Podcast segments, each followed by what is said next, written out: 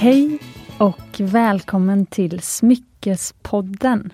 Det här är podden där vi pratar om äkta smycken och ädelstenar på ett enkelt sätt och bryter normer som präglat en annars ganska strikt bransch. Och idag så har jag med mig två härliga gäster. Ni känner dem nog väl vid det här laget. De har varit med i både förra avsnittet, avsnitt 22, och avsnitt 19. Och det är smyckesexperterna och eh, självutnämnda smyckesnördarna Carolina och Victoria. Välkomna tillbaka! Tack, Tack snälla! Mycket. Så roligt att vara här! Ja, det, det är jättekul. Och ni som vill lyssna på de första avsnitten med Carolina och Victoria och lära känna dem lite mer, lyssna gärna på avsnitt 19 som är en introduktion till hur vi lärde känna varandra och ni får höra om lite deras väg in i smyckesbranschen. De är ju båda två nu både gemologer och eh, smyckesvärderare och smyckesexperter som syns i flera sammanhang. Och sen så har vi avsnitt, eh, och det avsnittet handlar om eh, vad man ska göra med gamla och ärvda smycken, alltså de där smyckena man har hemma och som man kanske eller kanske inte tycker så mycket om. Och vad man i så fall kan göra med dem. Och avsnitt 22, det var förra avsnittet och det handlade om smyckeshistoria. Och vi, fastän vi pratade i närmare en och en halv timme så kom vi bara till typ 1700-talet. det blir lätt så. ja. Så vi bestämde att vi fortsätter denna veckan igen och då ska vi faktiskt knyta ihop historien med smyckestrenderna så som vi ser dem idag. Och vi kommer fortsätta på ja, men runt 1700-talet och snabbt gå vidare in mot 1800-talet där industrialiseringen och den här liksom, eh, massproduktionen av smycken kom igång. Alltså hur kommer det sig att vi har de smyckestrenderna som vi ser hela vägen in på 2000-talet? Så vi har ingen tid att förlora. Vi kör igång direkt. Det är nog lika bra tror jag. Vi kastar oss in på en gång.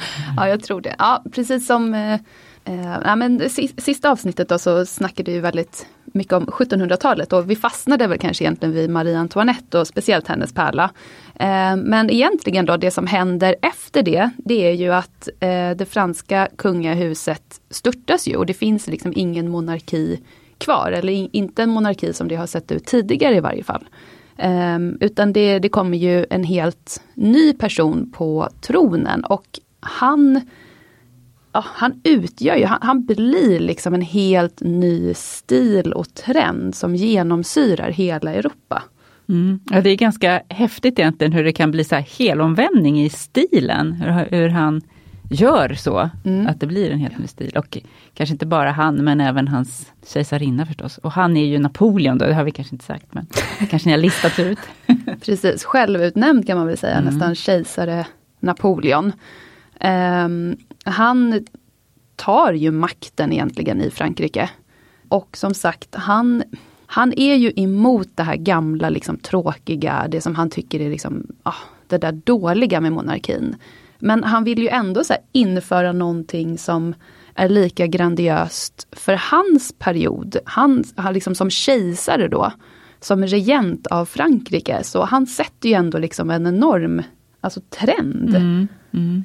Um, och lite det här som jag tänker nu, för han var väl också en sån här som som så många andra i historien kanske, som tyckte att han var eh, fantastisk på alla sätt och en, ja, en, en hjälte. Och han såg, han, jag tror lite att man har läst att han identifierade sig väldigt mycket med en, en romersk kejsare så där, så på antiken, att det var liksom hans största ideal. Och han, när han kröntes så gjorde han väl också en lagerkrans i guld och kröntes i och så där, så att han, han var väl väldigt mycket för det här äh, antika idealet och såg sig själv som, som liksom antik kejsare. Och det har ju präglat jättemycket den stilen som han också står för, eller som han skapar.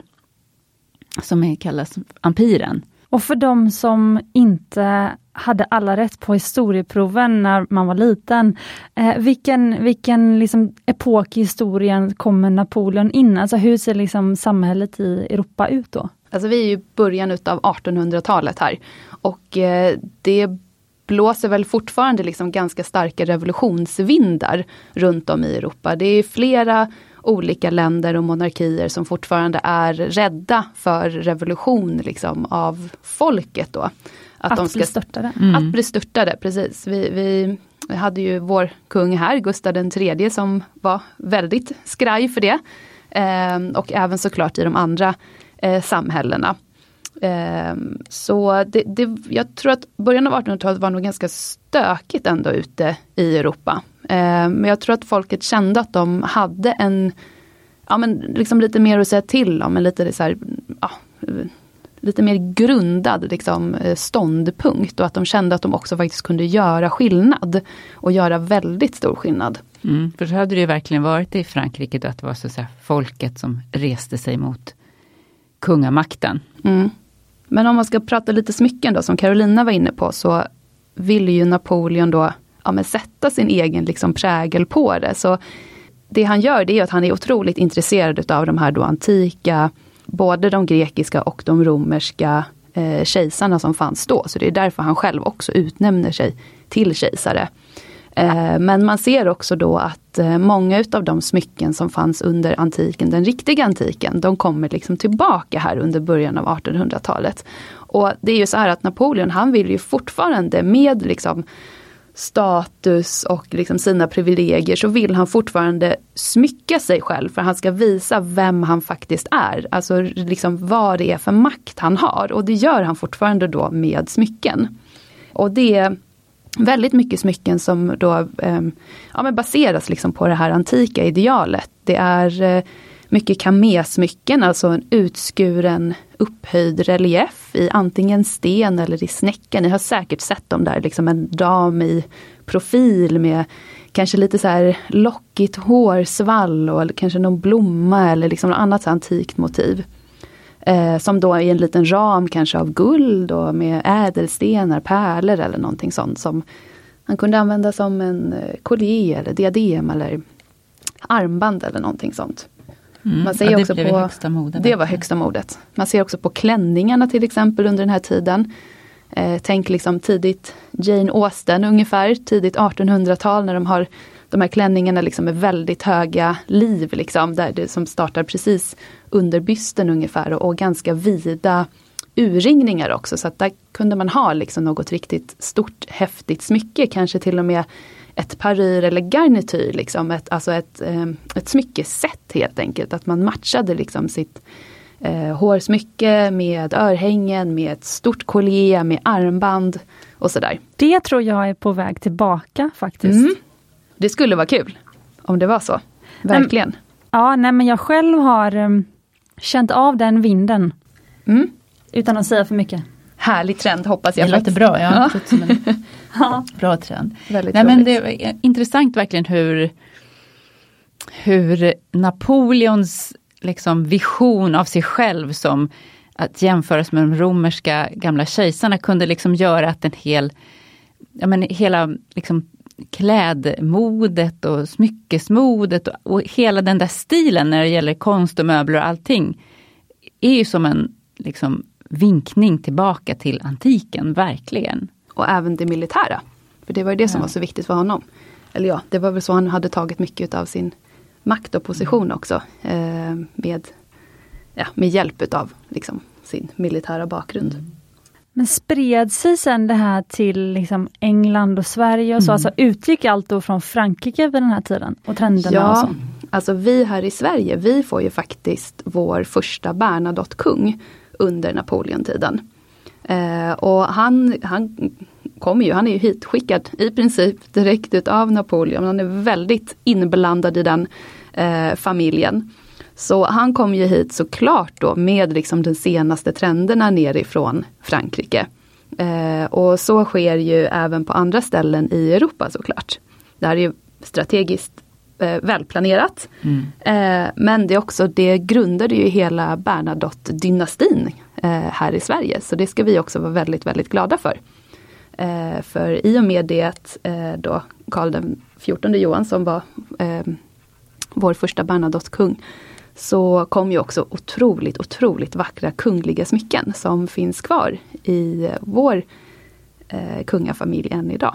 Som vi ibland får kika på. Mm. Eh, ibland kommer det, man kan se på Nobelfesten till exempel, att det kanske bärs något fantastiskt diadem eller tiara eller något annat smycke från den här perioden. Och då, då gäller det att sitta klistrad vid tvn och verkligen titta noggrant, för det är helt fantastiska Mm. smycken. Och också tänk, jag tänker också att man, förutom att tänka att det är snygga smycken och det glittrar och det är stort och häftigt, så är det också så kul att tänka på att de här smyckena har en historia, att de är så gamla, att de faktiskt härstammar från Napoleontiden och också från Napoleon. Det finns ju flera smycken som man då tror kanske kommer från ja, Napoleons kejsarinna Josefin som ju är väldigt nära eh, släkt med eh, Bernadotte-kungafamiljen. Eh, och det är ju då, då känner man verkligen historiens vingslag. Och det är det, det där jag tycker man måste tänka på.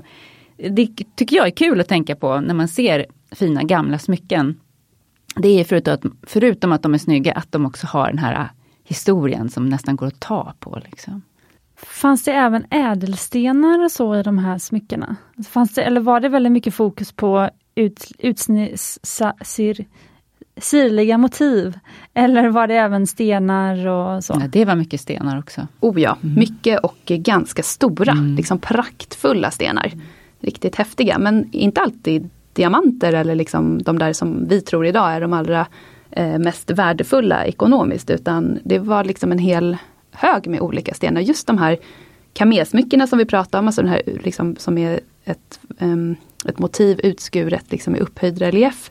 Eh, det kunde vara i snäcka eller det kunde vara i ädelstenar som agat till exempel eller malakit, Korall, eller- korall. Mm. Alltså, så att det, Att det- man har skurit motivet i Mm. Ja, Mm. man använder sig liksom av stenen. Liksom. Och vissa stenar eh, som Agato till exempel, den har, nu går vi in på lite annat här, men den har ju så himla häftigt eh, den har ju liksom som skikt eller lager liksom av olika färger kan de ha.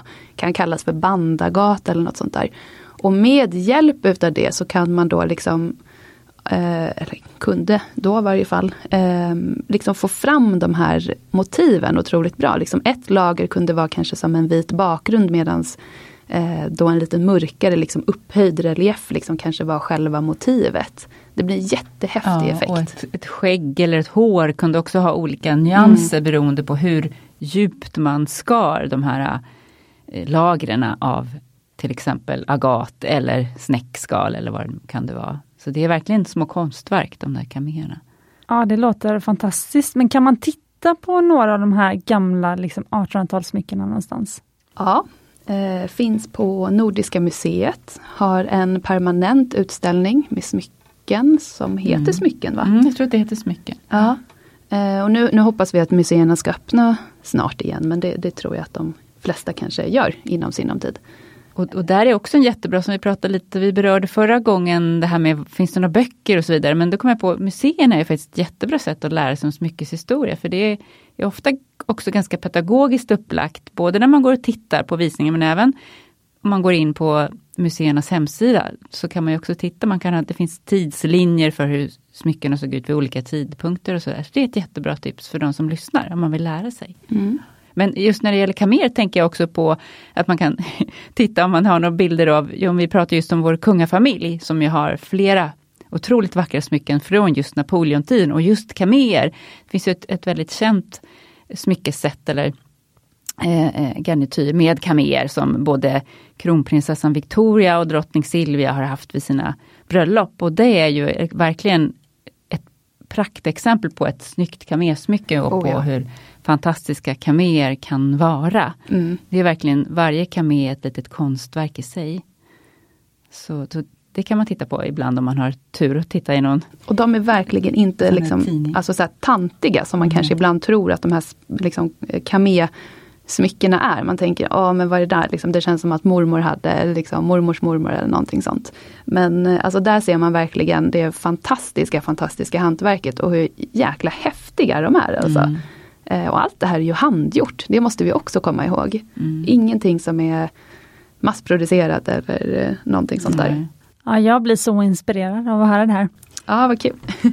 Ni berättade ju att eh, empirperioden var bara en väldigt kort period precis i slutet på 1700-talet och i början på 1800-talet. Mm. Var, varför fick den namnet empirperioden? Du, det var en väldigt bra, jag antar att det handlar mer kejsaren. Kejsaren, ja precis. Ja. Eh, alltså Empire, liksom. ett, ett kejsardöme liksom. Eh, det var kejsar Napoleon. Kejsarstilen liksom. Okej, Mm. okej. Och sen kom ju drottning Victoria på Ja, 1830-talet. precis. Efter Hon det här. kröns till drottning 1837 ehm, av eh, Storbritannien och Irland då. Eh, och alltså, om man ska prata smycken och 1800-tal, då är det liksom drottning Victoria man ska prata om. Jag tror att många tänker på drottning Victoria kanske som den här ganska tjocka tanten i liksom svarta Ja, som kläder som ser lite sorglig och butter ut. Och, ja. ja. Men alltså när hon kröns, då är hon liksom sprudlande, glad, vacker, ung kvinna. Som fullkomligt älskar liksom mode och, eh, ja, men, och det hör ju smycken till då såklart. Eh, och hon, alltså England var då en sån pass liksom, stor makt så att det som hände där det gav liksom eko runt om i hela liksom, den kända världen. Ja men precis, om man, om man säger att på slutet på 1700-talet och början på 1800-talet att man säger att Frankrike var det, liksom det tongivande landet så blir det ju nu England. I, och kanske mycket i och med drottning Victoria. Ja. För det första så är hon en kvinna som är drottning. Bara det är ju liksom, alltså det är hon som är regenten. Det finns ingen kung liksom jämte henne Nej. utan eh, det, det hon säger, det är det som gäller. eh, hon gifter sig ganska ung då med prins Albert som visar sig vara ja, men hennes stora kärlek i livet. Det är inte liksom bara ett giftermål som ska vara politiskt gångbart och fördelaktigt och sådär på något sätt utan det är faktiskt riktig kärlek. Jag, om jag inte missminner mig så finns det en liten text från när de möts första gången att tydligen så ska drottning Victoria blivit helt till sig för att hon förstod också att prins Albert han hade faktiskt ingenting under byxorna. Utan hon Inga kunde väl underkläder. antyda någonting där och hon tyckte att det var lite extra härligt kanske eller så. Var hon drottning då eller var det här innan hon blev regent? Eh, Det vet jag faktiskt inte. Hon blev drottning ganska Jag tror att väldigt var hon ung. var jag tror att hon var, ja. om hon var knappt myndig eller så. Men jag tror att de gifte sig efter. Jag tror det, jag ska kolla upp här. Ja, det är bra. Kika på det. Eh, Men de blir i varje fall så fruktansvärt, fruktansvärt förälskade de där två. Eh, Han absolut lika mycket i henne som hon i honom. Eh, Och hon, eller de får faktiskt nio barn tillsammans. Mm. Det är såklart en, en hel del, kanske inte helt ovanligt då, men ändå kanske ovanligt för en drottning i liksom hennes position och även liksom att, att hon genomgick de här nio graviditeterna och alla barnen överlever. Eh, vilket det såklart är inte vanligt vid den här tidpunkten, men nu, nu är det ju inte vem som helst vi pratar om heller. Jag kollade, ja, hon var drottning när de gifte sig. Ja, Mm. just det. Härligt skvaller det Ja. borde blivit då. Ja men eller hur. Eh, men det som är så fint i den här kärlekshistorien mellan Victoria och Albert, det är ju att han förstår ju hennes intresse för de vackra tingen.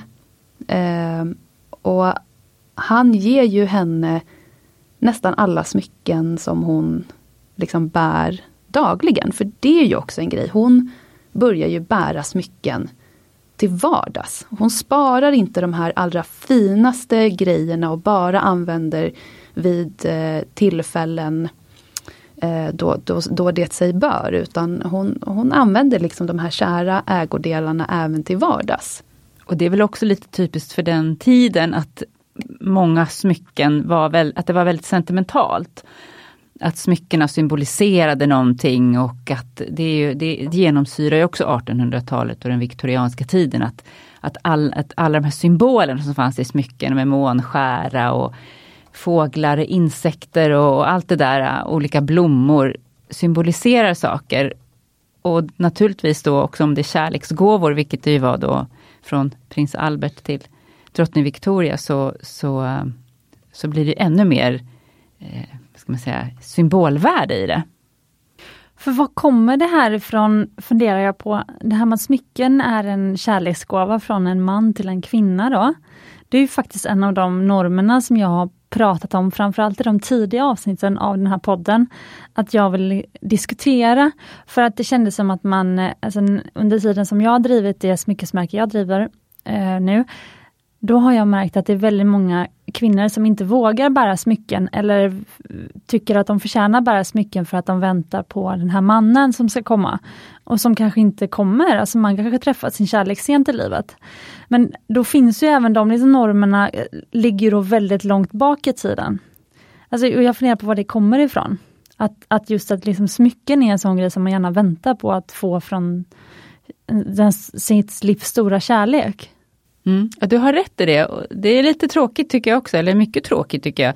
Det är klart att det kan vara jättefint med en kärleksgåva i form av ett smycke, det tycker jag också. Men det är tråkigt om man, precis, man kanske vill ha ett smycke men då unnar man sig inte att köpa det för man ska vänta på att få det.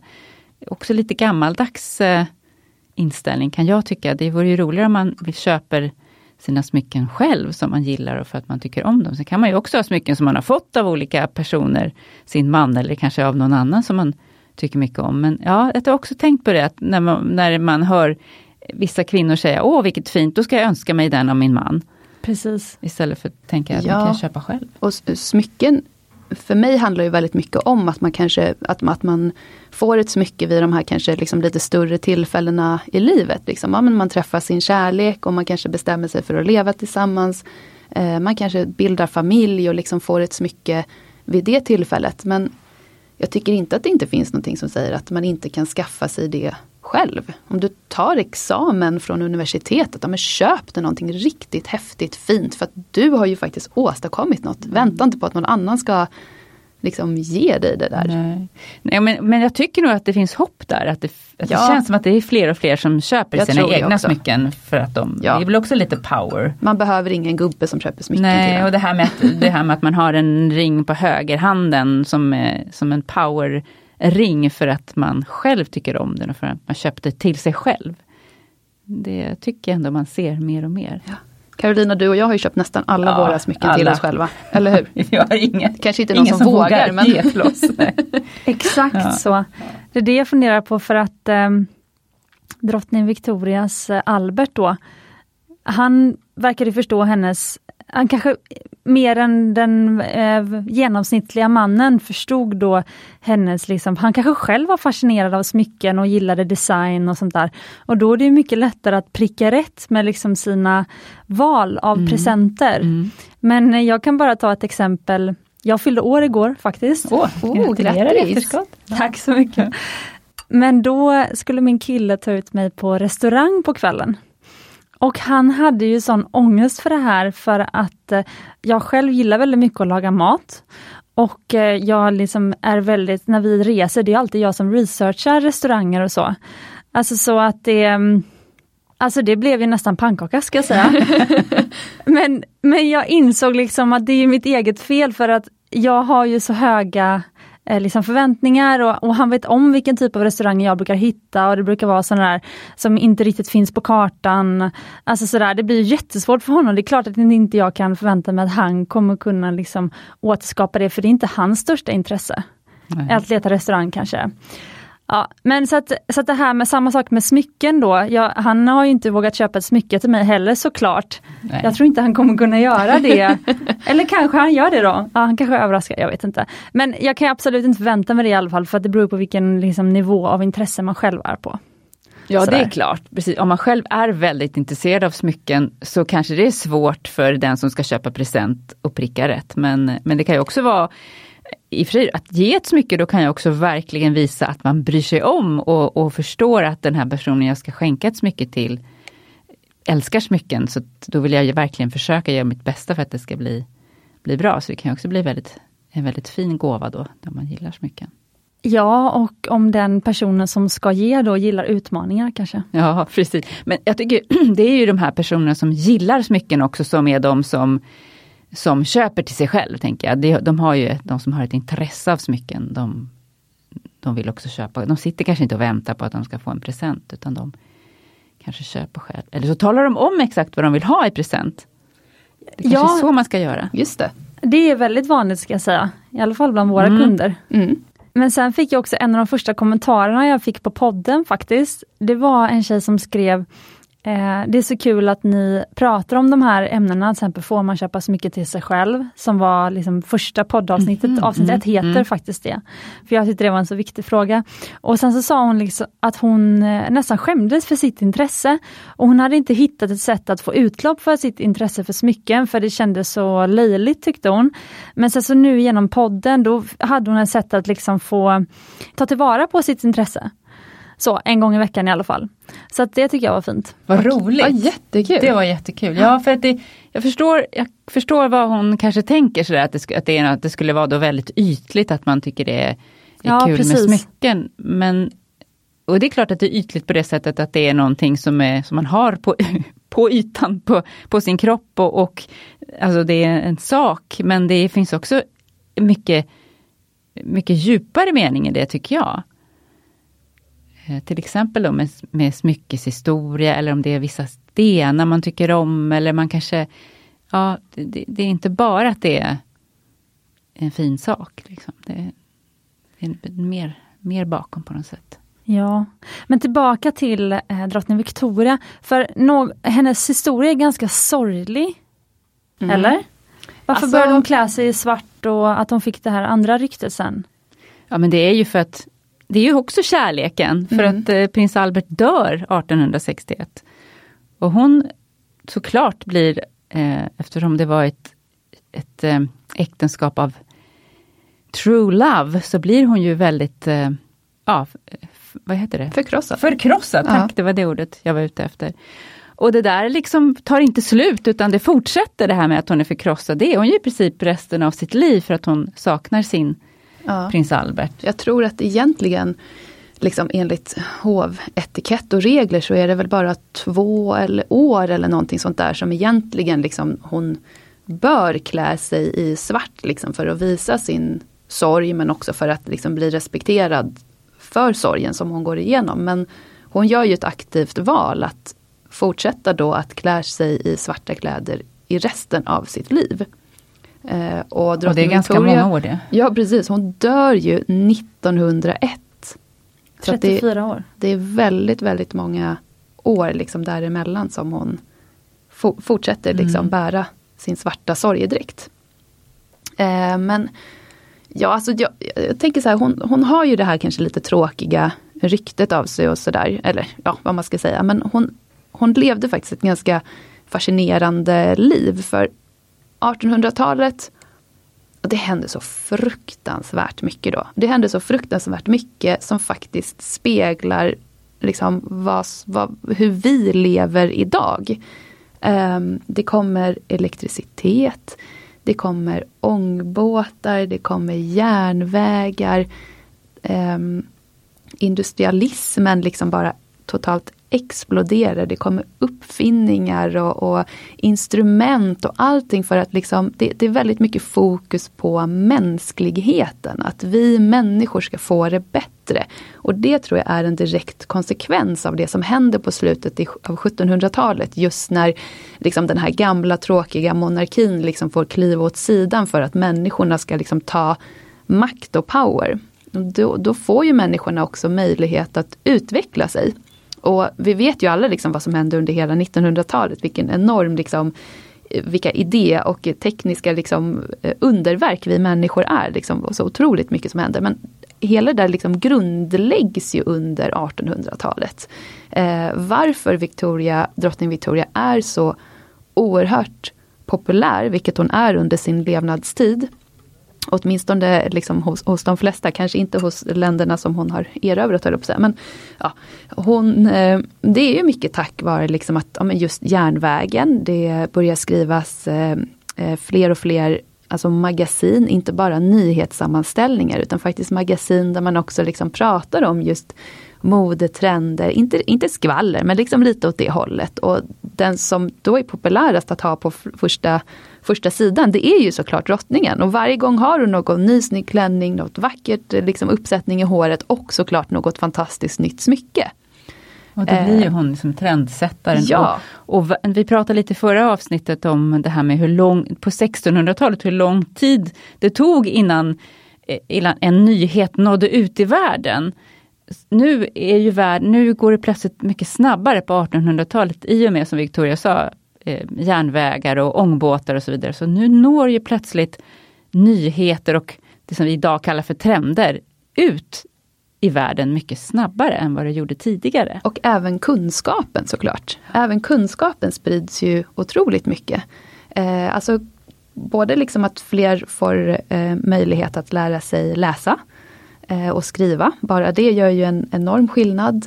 Eh, men också sådana här, ja, men, sånt som vi tar för givet. Alltså ljus, elektricitet. Mm. Eh, det kommer liksom de kanske vad vi säger idag, moderna liksom guldsmedsverktygen, liksom, som den liksom, riktigt varma lågan för att faktiskt kunna liksom, bearbeta en metall.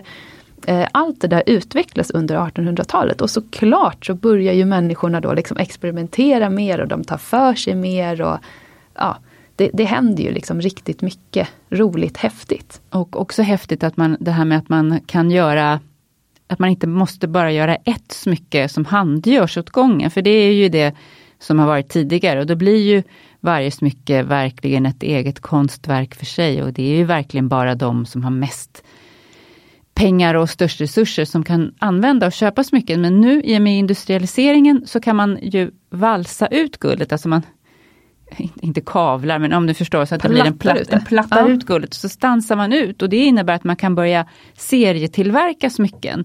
Som då kan bli, som man gör då av en guldplåt kan man säga. Om man valsar ut det till en plåt och så stansar man ut delar. Så kan man då göra broscher, örhängen, halsband eh, i en viss design då, och göra flera stycken av många av. Och det, dels att man kan ju, industrialiseringen gör att det går snabbare att göra, man kan göra mer liksom, ja, flera stycken snabbare. Och dels också att smyckena inte behöver väga så mycket i att de är den här tunna guldplåten. Det gör ju att fler kan ha råd att köpa smycken och använda smycken. Mm. Så det blir mera, eh, inte naturligtvis alla människor förstås, men det blir, det blir fler i samhället som kan använda smycken. Det blir lite som att uh, baka, med, baka pepparkakor. Mm, ja. ja, ja, men nästan så faktiskt. det var faktiskt så som eh, mina första armband gjordes. Ja, Åh, oh, vad kul! Stansar ut de första små svalorna och hjärtarna. Nej, du ser. Och, och det är också de här man ser som är väldigt typiska 1800-tals smycken som man kanske ser i mormors smyckeskrin, de här broscherna. Eh, framförallt broscher är det väl, men armband och broscher och, och örhängen som ser väldigt typiska ut. Eh, vi kan se om vi kan lägga någon bild på sådana där. Så nu, det känner säkert lyssnarna igen, som har sett någonstans i, någon, i något gammalt smyckeskrin. För det, Ja, för hur, hur såg smyckena ut då? Om man tänker att då i början av 1800-talet så var det kamelerna då på Napoleons tid. Vilken typ av smycken hade drottning Victoria som spred sig då som trender i samhället? Alltså hon tar ju väldigt mycket Eh, alltså det, det beror på vad som händer i hennes liv faktiskt. Mm, det ändras eh, Ja, när hon eh, till exempel reser till Skottland så där använder man mer alltså som en slags natursten eller en liksom agatvariant. Mm, som inte behöver vara transparent som man ju ofta tänker att ädelstenar Precis, är. Den, den är opaka istället. helt opak men de finns i olika vackra färger. Det kan vara grönt och rött och liksom blandat och, och väldigt så typiska skotska smycken. Och när hon helt plötsligt då eh, får sig ett litet ställe på Skottland då, och liksom spenderar tid där, ja men då börjar hon använda skotska smycken och såklart så sprids den trenden. Um, Eller opalerna som vi pratade om lite Opalerna, precis. De, eh, opalfyndigheterna görs på 1890-talet i Australien. Australien är ju då, tillhör ju kungadömet eh, Storbritannien såklart. Och när opalerna eh, då man, man hittar eller gör fyndigheter utav dem och så sprids ju det och även de eh, diamanterna i Indien, för även Indien hör ju faktiskt till eh, Storbritannien. Så det, det, är liksom beroende på vad som händer runt omkring henne väldigt mycket. Eh, så det, det, är liksom det. Men så 1800-talet, där också, eh, liksom för att dra en parallell lite till idag, så är det väldigt många olika trender som också eh, försiggår liksom samtidigt. Mm, det är väldigt eh, blandning av grejer, det är det som är kul med 1800-talet. Ja. Det finns så mycket olika och många, mycket kastar man också blickar tillbaka på, eh, på liksom gamla tiders eh, mode så att säga. Så att, så att, eh, man kallar många... dem för nystilen ofta på 1800-talet. Och då kallar man det kanske för nyrokoko eller nyrenässans. Eh, Nygotik, alltså de här gamla mm. stilarna från 1500-talet, 1600-talet, 1700-talet gör man i ny tappning så att säga på 1800-talet. Och Det blir stort mode, man, de här som etruskiska stilarna där man, som är då där smyckena liknar sådana smycken från antiken då, från eh, eh, Mellanöstern att man gör det som i en ny tappning kan man säga. Det, det man åt, återanvänder eller man ska säga, mm. te tekniker och liksom stilar och sådana saker. Um, och allt, allt det här händer liksom bara under några årtionden. Så det, det, finns så otroligt, otroligt mycket. Um, en, en väldigt en så här, häftig grej som hände på mitten utav 1800-talet, jag tror att det är 1851. Då sker kanske, eller ja, det, då sker egentligen den första världsutställningen och världsutställningen sker då i London och det är Victoria och Albert som eh, tillsammans tar initiativ till den här tar initiativ till mm. det, precis. Och världsutställningen handlar om att olika människor från olika industrier får möjlighet att ställa ut sina senaste innovationer, uppfinningar, konst, eh, konst eh, konststilar, Design, tekniker ja. och sådana saker. Det kan vara allt liksom inom arkitektur till smycken till en tavla eller eh, som Carolina berättade, liksom de här första liksom pressarna då som man börjar använda. Eh, kanske då till exempel under smyckestillverkning och även medicinsk utrustning och ja, men allt sånt där. Och den här världsutställningen den byggs då i något som heter Crystal Palace som är i Hyde Park, mitt i centrala London. Och världsutställningen 1856, jag tror att den pågår i, ja, inte ett år, men ett halvår åtminstone. Och alltså då, 1851, då är det 6 miljoner besökare på den här världsutställningen. Du förstår liksom det som händer där, det som presenterades där. Då till exempel den här nygotiska stilen inom smyckeskonsten. Alltså den spreds ju sen liksom över hela Europa. Det var, där var ju liksom the place to be precis just då. Ja, de där världsutställningarna var ju otroligt viktiga under hela 1800-talet och åtminstone halva 1900-talet också. Mm. För det var ju då som hela världen kunde komma samman med alla innovationer och idéer och konstinfluenser och allting. Och det är så mycket av de här olika stilarna när det gäller konst och arkitektur mm. som kommer även efter, alltså under de hela 1800-1900-talet liksom. föds i och med världsutställningarna. Så det är verkligen ett, en smältdegel för det nya. Ja.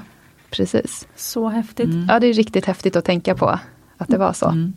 Nygotisk stil, vad alltså, är det?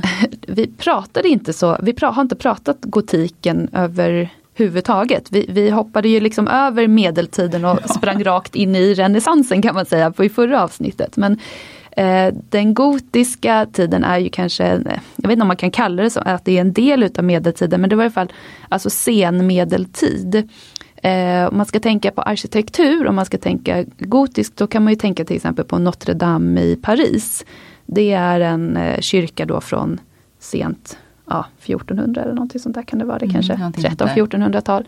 Eh, som har en väldigt liksom, speciell arkitektur.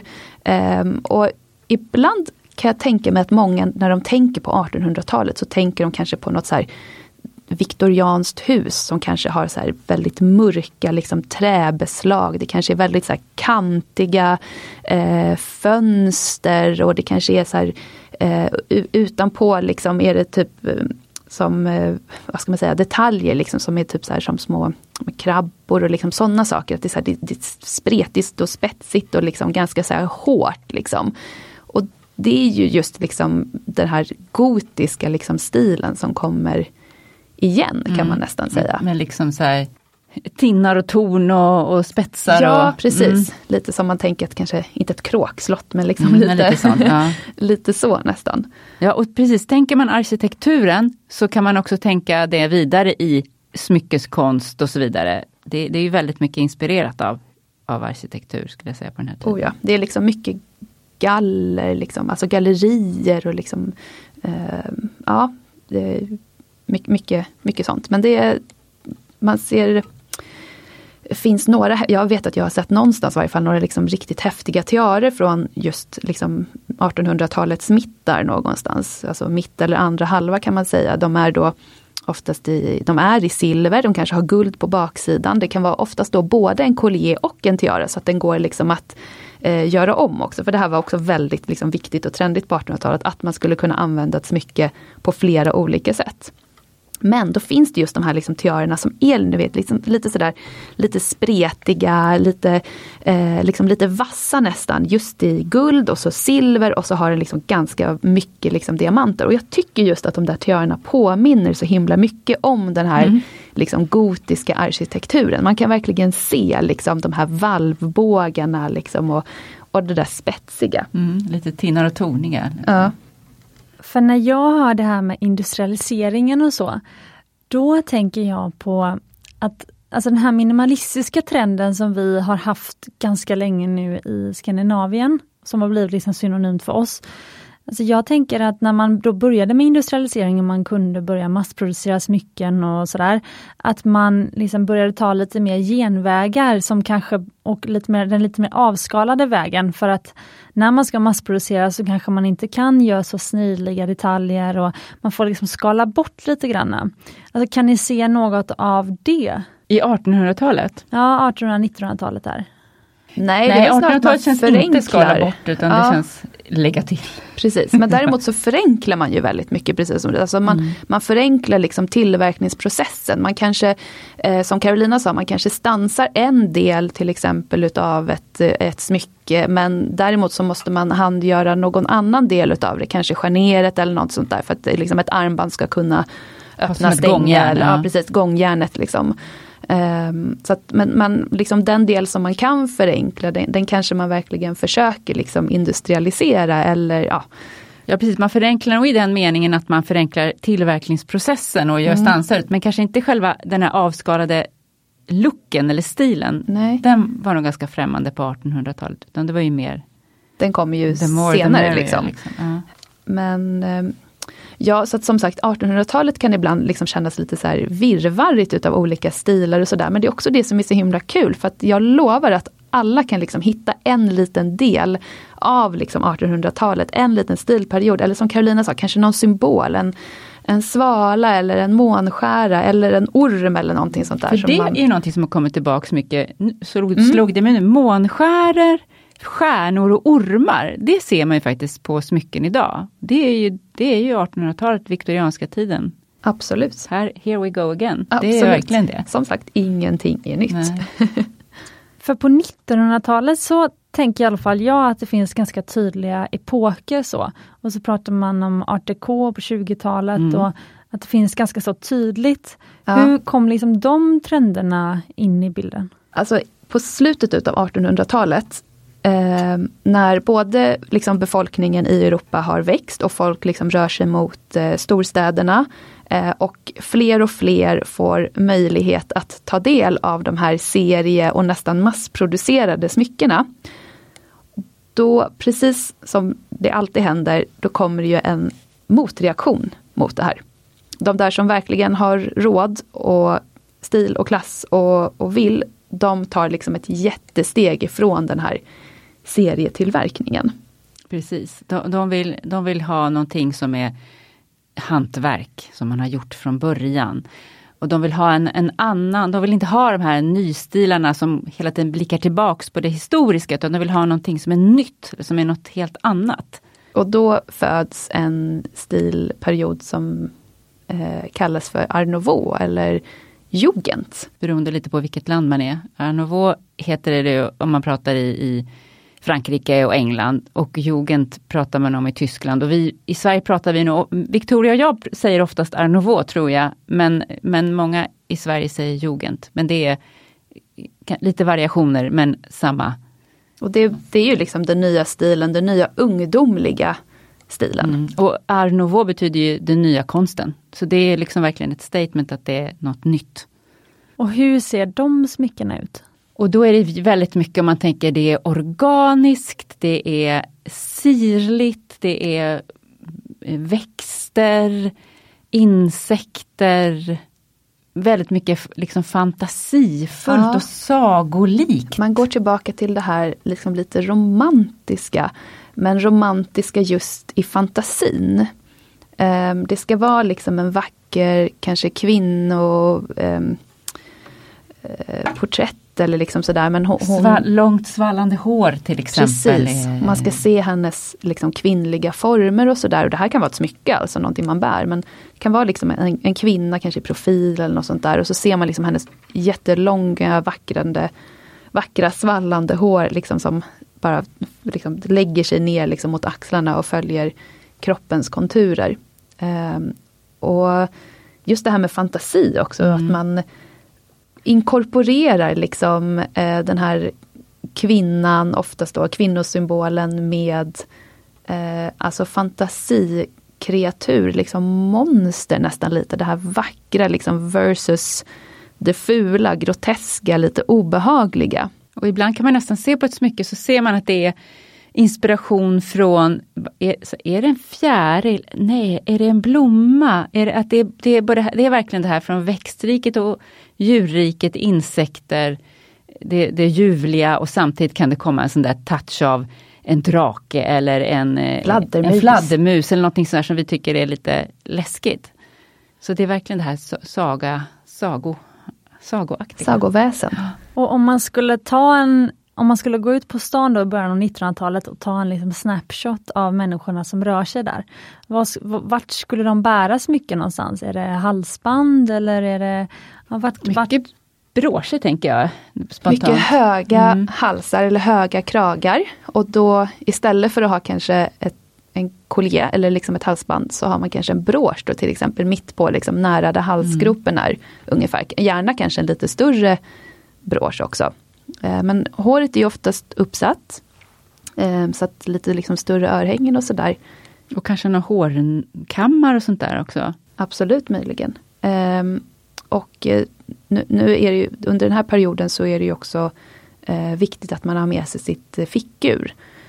Och det sitter ju oftast liksom fast på något mm. sätt liksom i kanske den klädedräkt, alltså väst eller liksom klänningsliv och liksom även i kanske i kjolen eller någonting sånt där.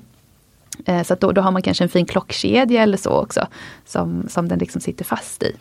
Och någonting som är, om man, vill, om man vill tänka hur den här stilen ser ut, så tänker jag, då kan man, då kan man googla en bild på Paris tunnelbana, metron. Det är ju liksom ja. Art Nouveau. Då har man liksom själva, själva stilen. Det finns ju också några liksom riktigt kända eh, juvelerare, alltså smyckeskonstnärer från den här tiden.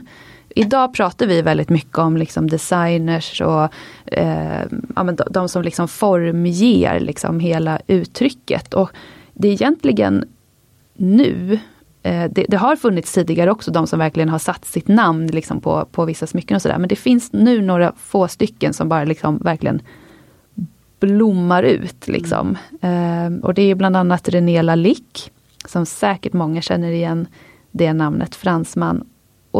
Otroligt, otroligt eh, duktig. Han var inte bara konstnär, alltså smyckeskonstnär, för nu säger jag konstnär, för Art Nouveau är konst. Det är smycken som är riktiga konstverk. Mm. Vi brukar säga det, att det är verkligen det är den, den perioden där, där konst och smycken är när, närmast varandra. Ja. Är det här precis 1900-tal upp till 20-talet? Alltså är det under första världskriget? Innan, eller? första, innan första världskriget. Innan. Så det börjar på under 1890-talet egentligen.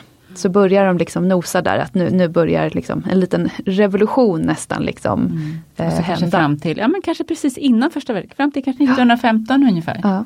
Och jag vet Karolina, du har ju ett favoritsmycke. Ja, jag har ett, ett som jag faktiskt inte har sett på riktigt, men vi har en plan, Victoria och jag, att vi någon gång ska åka tillsammans oh ja. och titta på det, för det finns i Lissabon.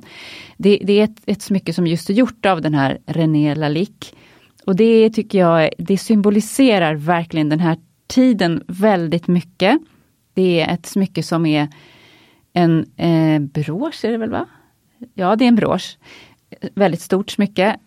Där är då en, en, en trollslände, eller en det är egentligen en trollsländenymf, en sån där läskig som, man, som lever i vatten. Trollsländorna lever ju på nymfstadiet i, i, i vatten. De lever på, på botten av sjöar och ser ut som ett monster som kryper omkring. Och ett riktigt rovdjur. Och sen blir de ju då en puppa och så blir de en vacker eh, trollslända. Eh, men det här smycket symboliserar, det, det är en sån här trollsländenymf som håller på att liksom bli en trollslända. Som ur den här nymfens gap så föds det en trollslända och den här trollsländan är samtidigt en vacker kvinna. Med vingar och det är liksom emalj och det är rubiner och det, det, det är så vackert och det är verkligen så symbol för den här tiden och jag tycker den är helt magisk. Den är läskig och vacker och sagolik. Och wow. Den skulle jag väldigt gärna vilja se på riktigt. Det, den, och den är ju enorm! Ja, den gjorde René Jag får se en bild här nu, den ja. ser helt fantastisk ut. Ja, den är så häftig. Och den gjorde René Lalique just till eh, en av de här världsutställningarna i Paris. Och den köptes direkt där vid världsutställningen av en eh, kan, man kan väl också kalla honom för mecenat. Eh, han hette Kalust Gulbenkian och han var en armen, armenisk ättad eh, oligark. oligark kan man ja. kalla honom för. Och, och, väldigt, och så, alltså otroligt konstintresserad man som hade sitt, sin bas i London men som sen flyttade till Lissabon. Och där, så har han ett, där finns ett museum som heter, som heter Gulbenkian-museet. Som har massor av konst och bland annat finns den här fantastiska Lalique-broschen där och den skulle jag tycka det var så roligt att se på riktigt. För den är också väldigt stor. Och, och väldigt, ja det är verkligen konst. Den Dragonfly. heter Dragonfly Woman, så det tycker jag absolut att det Googla på det. Mm. det ser väldigt eh, drömlikt ut. Eh, ja precis, drömlikt är ja. rätta ordet. Och sen är det ju någonting väldigt häftigt med de här Art Nouveau-smyckena. Och det är ju, vi pratade ju förra avsnittet lite om den här eh, tokiga Benvenuto Cellini som tuggade emalj. Ehm, under Art Nouveau-eran så återgår man mycket till emaljsmyckena igen. Ehm, men man använder sig av en annan, annan typ, annan teknik utav emalj. Och emalj är ju alltså kloss, krossat ehm, pigment, liksom krossat glaspigment kan man nästan säga. Eh, som man liksom sen då måste värma upp och liksom placera liksom på det färdiga smycket som en, en ytterligare dekoration, liksom ornament på. Mm. Om man till, till exempel inte har ädelstenar men ändå vill ha färg så har man genom tiderna använt emalj för att få de här fantastiska ja. färgerna. Eh, men den emalj som eh, används eh, under den här perioden kallar vi i Sverige här för fönsteremalj. För det är en emalj som är liksom transparent. Ni vet som eh, som kyrkoglasfönster till exempel. Ni vet att man liksom kan se hur, hur ljuset liksom strålar in och liksom fångar upp de här olika färgerna. Precis så händer även eh, i den här då, fönsteremaljen. Och alltså det är, det är precis så, det, det är någonting magiskt över det här. Det blir levande. Mm, och väldigt delikat att göra naturligtvis. Det är nog väldigt, man måste ha väldigt stor precision och verkligen ha exakt rätt temperatur, exakt, mm. exakt rätt tid. Tekniskt så är det väldigt ja. krävande. Eh, har vi förstått, för mm. det är mm. ingenting som vi själva någonsin har provat och, på. Och det är, så väldigt, det är väldigt typiskt för den här tiden, den här fönsteremaljen. Och just den här broschen Dragonfly Woman, den, den är ju då en, det är ju trollsländevingar och det är, de är ju som Alltså om man tittar på de här fönsteremaljen så är det ju som vackra fjärilsvingar eller trollsländervingar så det passar väldigt bra till den typen av smycken som mm. gjordes då. Kan man hitta smycken från den här tiden att till exempel klicka hem på Vinters Finns det liksom smycken som man liksom kan ta del av än idag, alltså på ett privat plan, till sin privata samling? Det finns, men det är inte vanligt. Att nej, det, det att inte det, så mycket. Nej, och just på grund mycket av den här emaljen som också är väldigt skör. Ehm, så är kanske inte alltid smyckena i sådär jättebra skick. Och det är såklart för att de har använts och i och med att emaljen är skör och sådär, det, det händer grejer. De här smyckena är över hundra år gamla, det är inte konstigt. Men ehm, det betyder att de smycken som finns, de kan ha liksom ganska stora skavanker och sådär. Eller att de kanske är omarbetade eller reparerade på, på något sätt. Men precis som du sa Cecilia, det är också en så himla kort period det här. Så att, och eftersom man då har gått ifrån den här massproduktionen eller serietillverkningen också av smycken så finns det inte en hel uppsjö utav dem utan det finns liksom ett fåtal. Eh, och sen som då René Lalique, nu är han en utav de kanske allra mest eh, kända smyckestillverkarna under den här perioden eh, jämte med Henri Verveer och Georges Fouquet och liksom de, de andra. Men eh, sen finns det ju såklart en hel del andra som också har tillverkat smycken men de kanske inte är riktigt liksom i den höga klassen för det här är liksom, ja men det är konst. Mm. Det, det, är liksom, det är en annan nivå på smyckena. Det här. För när man tittar på gamla smycken, om man just är inne och tittar på kanske auktion eller ja, gamla eh, vintagehus, då ser man ju, eller jag tycker i alla fall att jag ser mycket ringar, armband, halsband. Alltså när började liksom när började liksom gemene man bära den typen av smycken? För då är ju inte det så jättelänge sedan då, mm. låter det som. Alltså det kommer ju så här, eh, den här Art Nouveau eller Jugend, den liksom, det föds på olika ställen i Europa. I England så föds den som en Arts and Crafts Movement. Eh, här i Sverige så finns det ju också en motsvarande liksom Jugend eh, eh, smyckestillverkning och här i Sverige så kan man till exempel hitta väldigt mycket silversmycken från den här Art Nouveau eller Jugendperioden från tidigt 1900-tal. Och då är de tillverkade i silver. Man ser fortfarande liksom de här häftiga organiska formerna. Man kanske inte riktigt vet om det är typ en blomma eller en njure eller vad det nu kan vara för någonting. Och så är det inte alltid de eh, som vi idag tänker då de dyraste liksom ekonomiskt eh, värdefulla ädelstenarna utan det kanske är häftig eh, bärnsten till exempel som man hittar i Skåne eller det kanske är liksom någonting annat så här eh, härliga liksom färgädelstenar och så. Mm, och var, tanken var också mycket att det kanske inte var just ädelstenarna som skulle vara det viktigaste utan det skulle vara själva hantverket som var det ja. viktigaste. Så att det finns både liksom den här topp, topp, topp, René Lalique, Henri Verveer, alla de där. Eh, men så finns det också liksom de här härliga, det finns en smed i Malmö som jag tror han heter Emil Möller. Som är liksom en silversmed som är väldigt verksam då i början på 1900-talet. Och där kan man faktiskt, här, ja, men jag tycker fynda faktiskt, eh, kan man göra på auktioner, kanske pantbanker eller loppisar och sådär, hans smycken. Tidigt 1900-tal. Liksom. Det är gedigna, fina, roliga silversmycken som kan vara jättesnygga kanske och ha en brosch och ha på en kofta eller sätta upp i, i håret eller någonting sånt. Så man liksom har ändå ett smycke liksom från den här perioden. Och de behöver inte alls vara i speciellt dåligt skick. De kan ha klarat sig riktigt bra. Kul tips. Mm. Finns det fler sådana framstående, kanske svenska smeder eller så? Historier som man kan liksom hålla utkik efter? Jag kom på en som visserligen inte, visserligen inte är svensk, men Georg Jensen. Han, mycket av det allra finaste som Georg Jensen har gjort tycker jag är ju från den här tiden. Och väldigt tidstypiskt Det är nog då som han egentligen startar, startar ja. sin verksamhet. Eh, så den första liksom, tidigaste designen är ju här någonstans ifrån. Och sen fortsätter ju tillverkningen oftast liksom i många år därefter men liksom hans ursprungsdesign eh, den föds ungefär då. Mm, och det, jag tycker det är den allra finaste ja. Eh, Jensen. Men var han då från början liksom menar att vara tillgänglig för gemene man?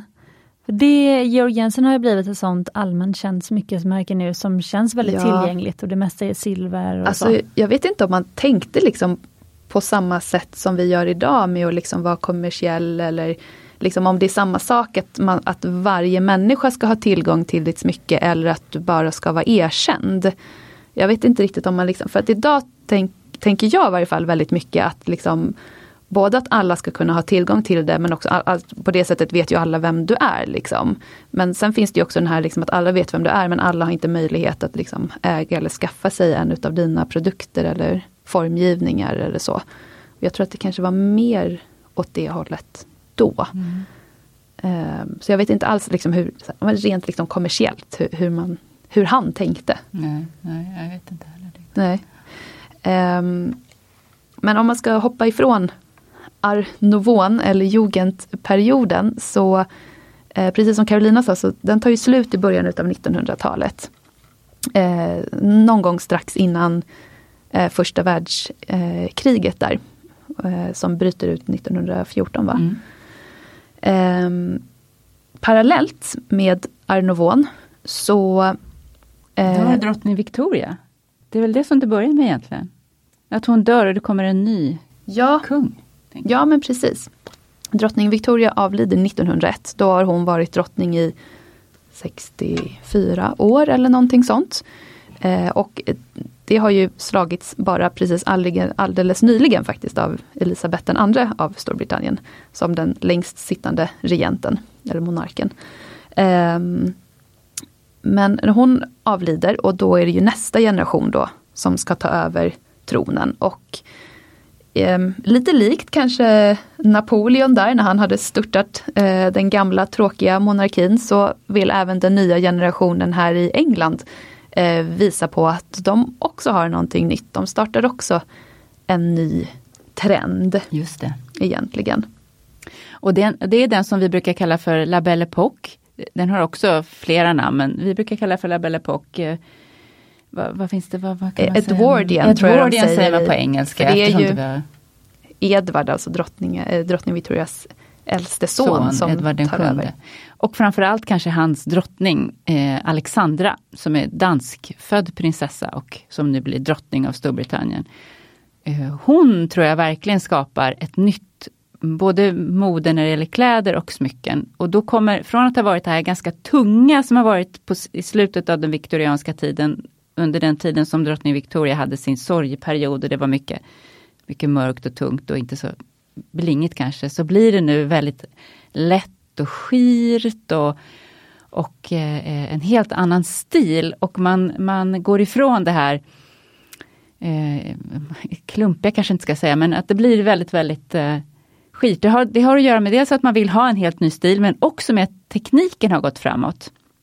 Och man har börjat kunna bearbeta det här nya inom citationstecken, nya materialet, nya metallen, platina. Den har man liksom inte vetat hur man ska göra med tidigare, men nu man, kan, man göra, kan man alltså komma upp i den temperaturen som krävs för att platinan ska smälta. Och då kan man plötsligt börja bearbeta platinan. Och den har ju sådana egenskaper som inte vare sig guldet eller silvret har. Att man kan liksom, den är väldigt seg, så man kan dra ut den i tunna, tunna trådar och det lämpar sig i toppen för de här skira, tunna smyckena som kommer nu. Där det ska nästan vara som ett bara det ska nästan se ut som stenarna svävar fritt i luften. Det ska vara så lite metall som möjligt ja precis, liksom... för det som är viktigt att komma ihåg är ju att man vill ju gärna ha, det vill vi idag också kanske väldigt mycket, man vill ha vita stenar i vit metall. Och tidigare det enda som har funnits, det har ju varit silvret. Silvret har funnits i liksom alla århundraden, årtusenden. Eh, men silvret har ju en liten nackdel och det är att det faktiskt oxiderar. Det är ju att det blir så här mörkt. Ni vet säkert där hemma när man har stått och putsat gamla bestick eller ljusstakar eller något sånt där tråkigt som har mörknat. Och det, samma sak händer ju med eh, silvret i smyckena. Så den här liksom längtan till att liksom hitta en metall som man slipper liksom den här oxiden och eh, även då som Carolina sa som verkligen håller. För silver är också en mjukare metall än An vad platinan är. Använder man rött guld? Alltså mm. gult guld? Ja, men just under den här Belle Époque-tiden så var ju platinan absolut det som, det kallas också för de vita smyckenas tid, för det var vit metall och helst diamanter. Så det var väldigt mycket vita smycken. Och nu kunde man också sätta liksom ganska stora stenar i ganska lite material. Så det blir ju liksom fokus också väldigt mycket på ädelstenen som sitter där. Mm. Så stora diamanter till exempel, istället för en massa små. Det ger ju också en väldigt häftig mm. effekt. Och man har hittat stora diamanter också nu i Sydafrika. Vilket, vilket också gör att man får tillgång till, till stora stenar för de mest förmögna i alla fall. Eh, och, eh, och, och sen har även eh, alltså sliptekniker och slipa stenar har också utvecklats så att man kan eh, ha mycket mer och häftiga färgstenar. För jag tycker det låter som att det här, det, vi börjar komma in på det som har blivit liksom smyckesklassiker idag. Mm. Alltså det här diamanthalsbandet, diamantsolitärringen och diamantörhängena. Det är ofta de liksom som man tänker på, alltså även idag så är det det som liksom samlare vill ha i sin liksom smyckesgarderob. Mm. För att det är så klassiskt. Kom det från den här tiden då? Ja, jag, man skulle nog kunna säga att det är då som liksom den här som vi, som vi känner till idag. Det börjar likna lite de smyckena som är moderna idag kan man säga. Ja, jag, jag håller med. Jag tycker faktiskt också det, det, det, du har rätt, det, liksom det, det föds där någonstans. Liksom, mm. Hela den här, det där smaket och, och tycket liksom, det som får hänga med. Sen vet jag också att det är någonstans vid den här tidsperioden som ert yrke föds, alltså gemologin. Mm. Mm. Och det som jag har lärt mig om gemologihistoria, det får ni rätta mig om jag har fel, men det är att eh, gemologernas uppgift, alltså um, yrket gemolog kom till av att man behövde eh, separera naturliga rubiner från syntetiska rubiner. Och det här var någon gång 1920-1925, tror jag. Och att det var då liksom gemologin föddes. För att i industrialiseringen så lärde man sig också att syntetiskt ta fram ädelstenar i ett labb. Och det blev liksom redan då ett, ja men ett, ehm, ett problem då inom liksom handeln med smycken, att vissa ville sälja syntetiska som naturliga och, och då behövdes det yrket att liksom se vad är äkta och vad är eh, liksom, eh, odlat i labb. Ja, och där har vi också parallellen till idag. Men här var det då färgstenar och att man, att man hade syntetiska färgstenar, det berodde också på att modet var att man kanske ville ha flera stenar i rad. Och då är ju, vill man ju gärna att de ska matcha till varandra och vara i samma färg och att de ska liksom hålla ungefär samma eh, sparkle och sådär. Och det är mycket svårare att ta fram det ur en naturlig sten. Men kunde man göra syntetiska så blev det ju lättare, då kunde alla se likadana ut. Så det var väl därför också som det blev populärt med syntetiska. Så att faktiskt en hel, en, ja inte en hel del, men en del av de smyckena som vi ser från den här tiden har syntetiska färgstenar, alltså syntetiska rubiner och syntetiska safirer. Och så att vi, när vi tittar på smycken från den tiden så måste vi alltid vara lite uppmärksamma och se, är det naturligt eller är det syntetiskt? Men som vi pratade om tror jag i något tidigare avsnitt så får man väl se det som en del av den tiden, en del av historien. Att det skulle vara, man om man köper ett smycke från tidigt 1900-tal så är det syntetiska rubiner i det, så tycker jag inte att man ska direkt springa till guldsmeden och leta upp naturliga byta ut. Annars är jag väldigt mycket för naturliga ädelstenar, men just här, för det hör liksom den tiden till. Så då kan det få vara de här eh, gamla stenarna som var syntetiska på den tiden. Men om nu en lyssnare liksom sitter och funderar på sin egen smyckessamling och tänker liksom att man vill att den lite ska återspegla historien. Alltså vilka liksom smyckesklassiker tycker ni det finns liksom att få tag på idag som liksom man kan leta efter eller återskapa eh, själv hos en guldsmed? Eh, alltså om, om man ska tänka att det ska vara just något från den här Belle Epoque-eran eh, eller tiden så finns det ändå tycker jag en relativt god chans att man kan hitta ett smycke därifrån. Det, det är mer än hundra år sedan eh, som den här eran är, eh, har liksom sin, sin höjd. Eh, men tack vare då att de här smyckena då är oftast tillverkade i just platina, alltså den här sega, hårda, braiga metallen, så betyder det också att de har hållit sig ganska väl till idag. Ehm, det finns faktiskt en hel del, eller en hel del finns det inte, men det finns smycken man kan hitta liksom på eh, kanske kvalitetsaktionerna eller sådär från den här perioden. Eh, fina hängen, örhängen, ringar och, och armband och sådär.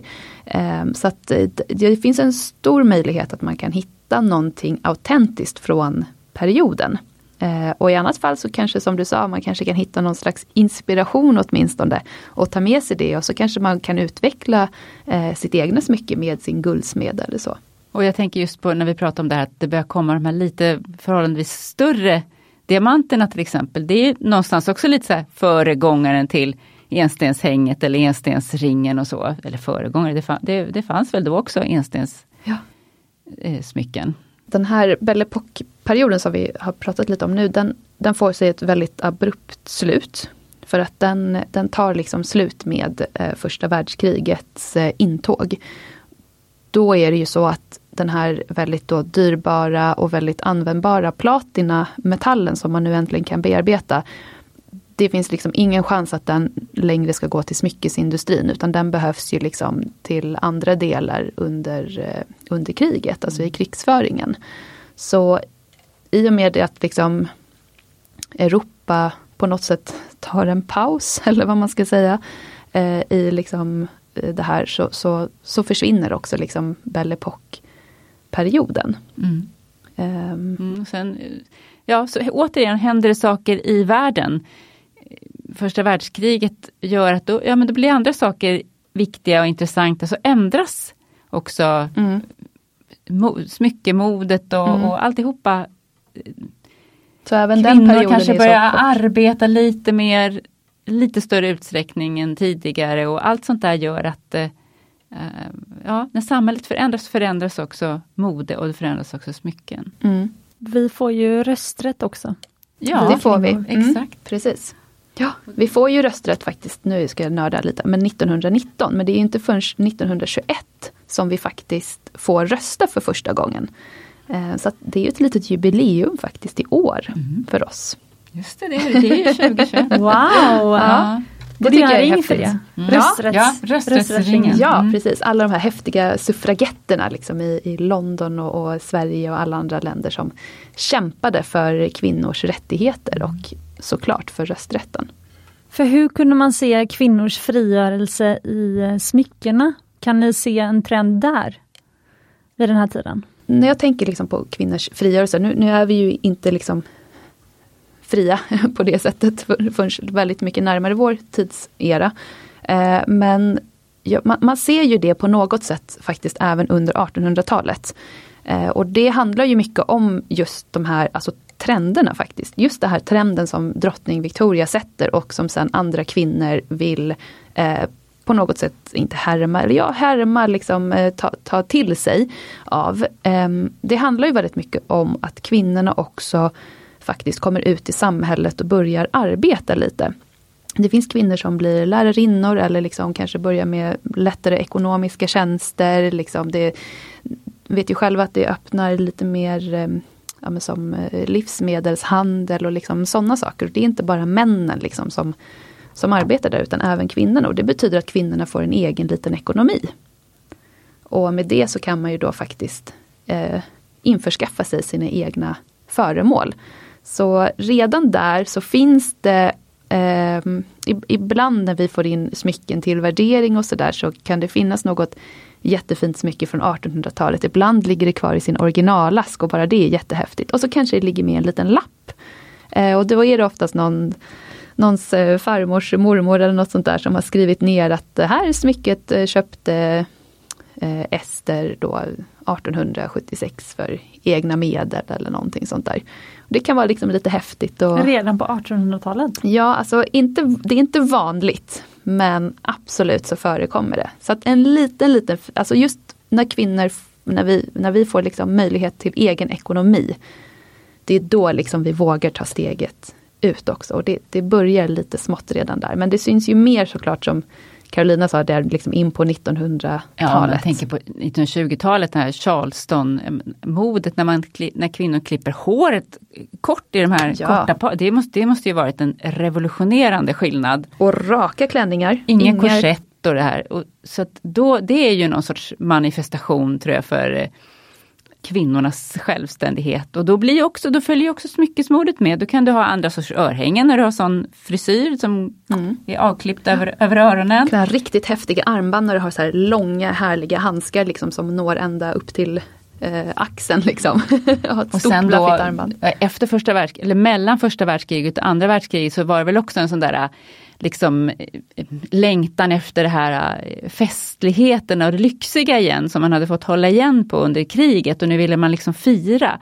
Så hela den där eh, det, det glada 20-talet, det, det var ju också någon sorts eh, tillbaka till lyxen det här med att man skulle ha så här, lyxiga smycken och sådär. Så mycket av det som gjordes då är det här som är verkligen ja, crème de la crème. Om man ska smycken. tänka liksom häftiga eh, juvelerare som fortfarande är verksamma idag. Till exempel Cartier, Tiffany's, mm. Van Cleef Arpels.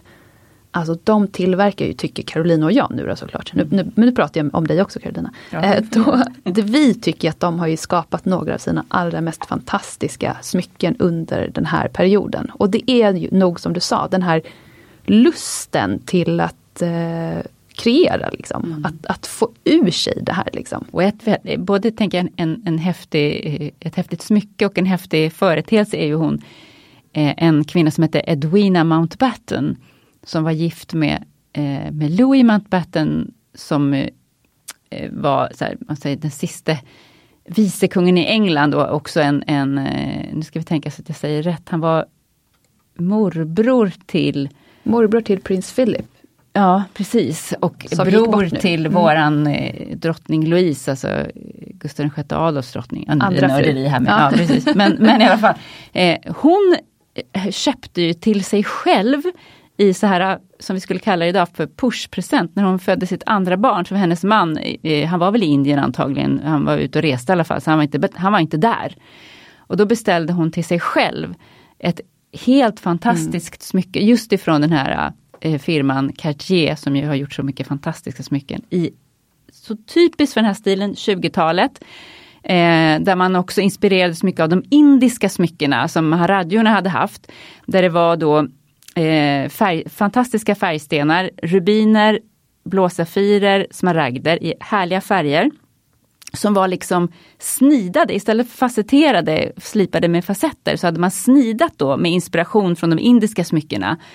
Eh, så att det blir liksom som små skulpturer av blommor och sånt där.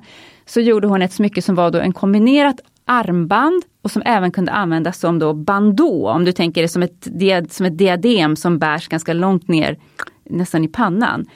Som är, jag tycker det är ett av de häftigaste smyckena som jag någonsin har sett. Och det sett. kallas ju också för Tutti Frutti. Ja, precis. Man blir så glad av namnet. Ja, jag tycker nästan att eh, lyssnaren måste googla på det här ja. smycket. Ja. Vad ska man googla på då? Eh, då tycker jag att man kan googla på alltså Mountbatten och kanske Tutti Frutti, Tutti Frutti diadem. Eller något sånt mm. där. Tiara, diadem. Något och sånt. coolt att hon köpte till sig själv. Nu var ju hon naturligtvis en som, som kunde göra det. Men, men bara det att hon väntade inte på att någon skulle köpa present utan hon köpte det till sig själv. Fantastiskt. Det här tycker jag också blir en perfekt eh, cliffhanger på när ni ska komma tillbaka nästa gång. Så de här avsnitten går så snabbt. Jag tror vi redan har pratat i en och en halv timme igen. Ja, som vanligt. Nej men det är inte sant. Ja. men det här är jättespännande för att nu börjar vi då komma in på eh, ja, men lite mer den liksom moderna tidsåldern. För sen dess har ju kvinnor fortsatt att arbeta och vi har med kontorsjobb och industrialiseringen har fortsatt. Eh, och sen så tycker jag att det är spännande att höra vad, för när kom då de här eh, Van Cleef Arpels, alltså Cartier och Tiffany's, när föddes de De föds alla liksom på 1800-talet och alla börjar som mer eller mindre familjeföretag. Eh, Cartier tror jag 1860-tal, van Cleef Arpels 1880-tal möjligen. Det föds ju liksom ur också det här eh, behovet av liksom kreation och såklart att det finns liksom en, en marknad, en, en industri för det. Sen så tar det eh, i några av fallen mer, lite längre tid men eh, de liksom etablerar sig som ganska starka juvelerarhus eh, under liksom slutet av 1800-talet, där någonstans. Och just de här smyckena som gjordes i början på 1900-talet av mm. de här eh, firmorna, naturligtvis då till personer som kunde betala såklart. Så att det, det, är klart, de fick väl fria händer med, det var inga no limits när det gällde kostnader. Men det är klart, då kunde de ju också bara sväva ut i de här alldeles fantastiska juvelerna. Som jag skulle säga att det saknar motstycke idag nästan hur häftiga och vackra och praktfulla saker som de gjorde då. Men det är också då som de sätter trenden för det som vi ser som liksom de här liksom objekten som man måste ha i sin smyckeskollektion mm. idag som Tiffany med sin diamantring och eh, Cartier med sitt Love Bracelet. Eh, och sådär. Så det är ju väldigt spännande. Alltså det är ju, sätter ju mycket fortfarande liksom ehm, ett avtryck tänker du? Eller? eller grund kanske? Ja, de sätter mycket grund för de trenderna som vi verkligen ja. har idag. Ja. Mm. Jag tror de, de sätter liksom grund för sig själva och för sitt varumärke för att de sen vid senare tillfällen ska få möjligheten och chansen att kunna utveckla de här eh, liksom ikoniska eh, smyckena som vi, som vi tänker på idag. Men till, som du sa, liksom Cartier och Love Bracelet, det designas inte förrän 1970-tal eller något sånt där. Eh, men hade inte Cartier varit det de var, tack vare att liksom, när de föddes och det de gjorde Mm. liksom, tidigt 1900-tal så hade Love Bracelet Inte aldrig funnits. funnits. Och Trinity-smyckena kom väl på 1920-talet? Absolut. Och Tankklockan, Cartiers Mm. tankklocka kommer då. Så att, ja, mycket föds då. Ja, Trinity-ringen är ju, alltså det är by far den mest populära ringen som vi säljer. Alltså Mm. populärare än solitärringen. Så att den är ju, den har verkligen blivit en kul. ikon. Den har eh, 100-årsjubileum. Just det, Ja, det är häftigt. Ja, stort tack! Vi ses eh, nästa vecka igen. Åh, vad kul! Jättekul!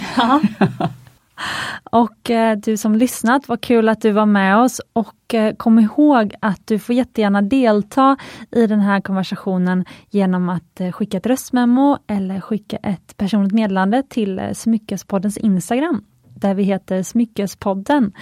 Och Caroline och Victoria hittar du på Jewelry Escape på Instagram, deras företag. Eh, och där får du jättegärna också gå in och börja följa eller, och ställa frågor. Ställa frågor och så. Mm. Och eh, om, om det kommer in någon spännande reflektion eller fråga så tar vi jättegärna upp det här i podden. Mer än gärna. Mm. Gärna. Och glöm inte, du är värd äkta smycken.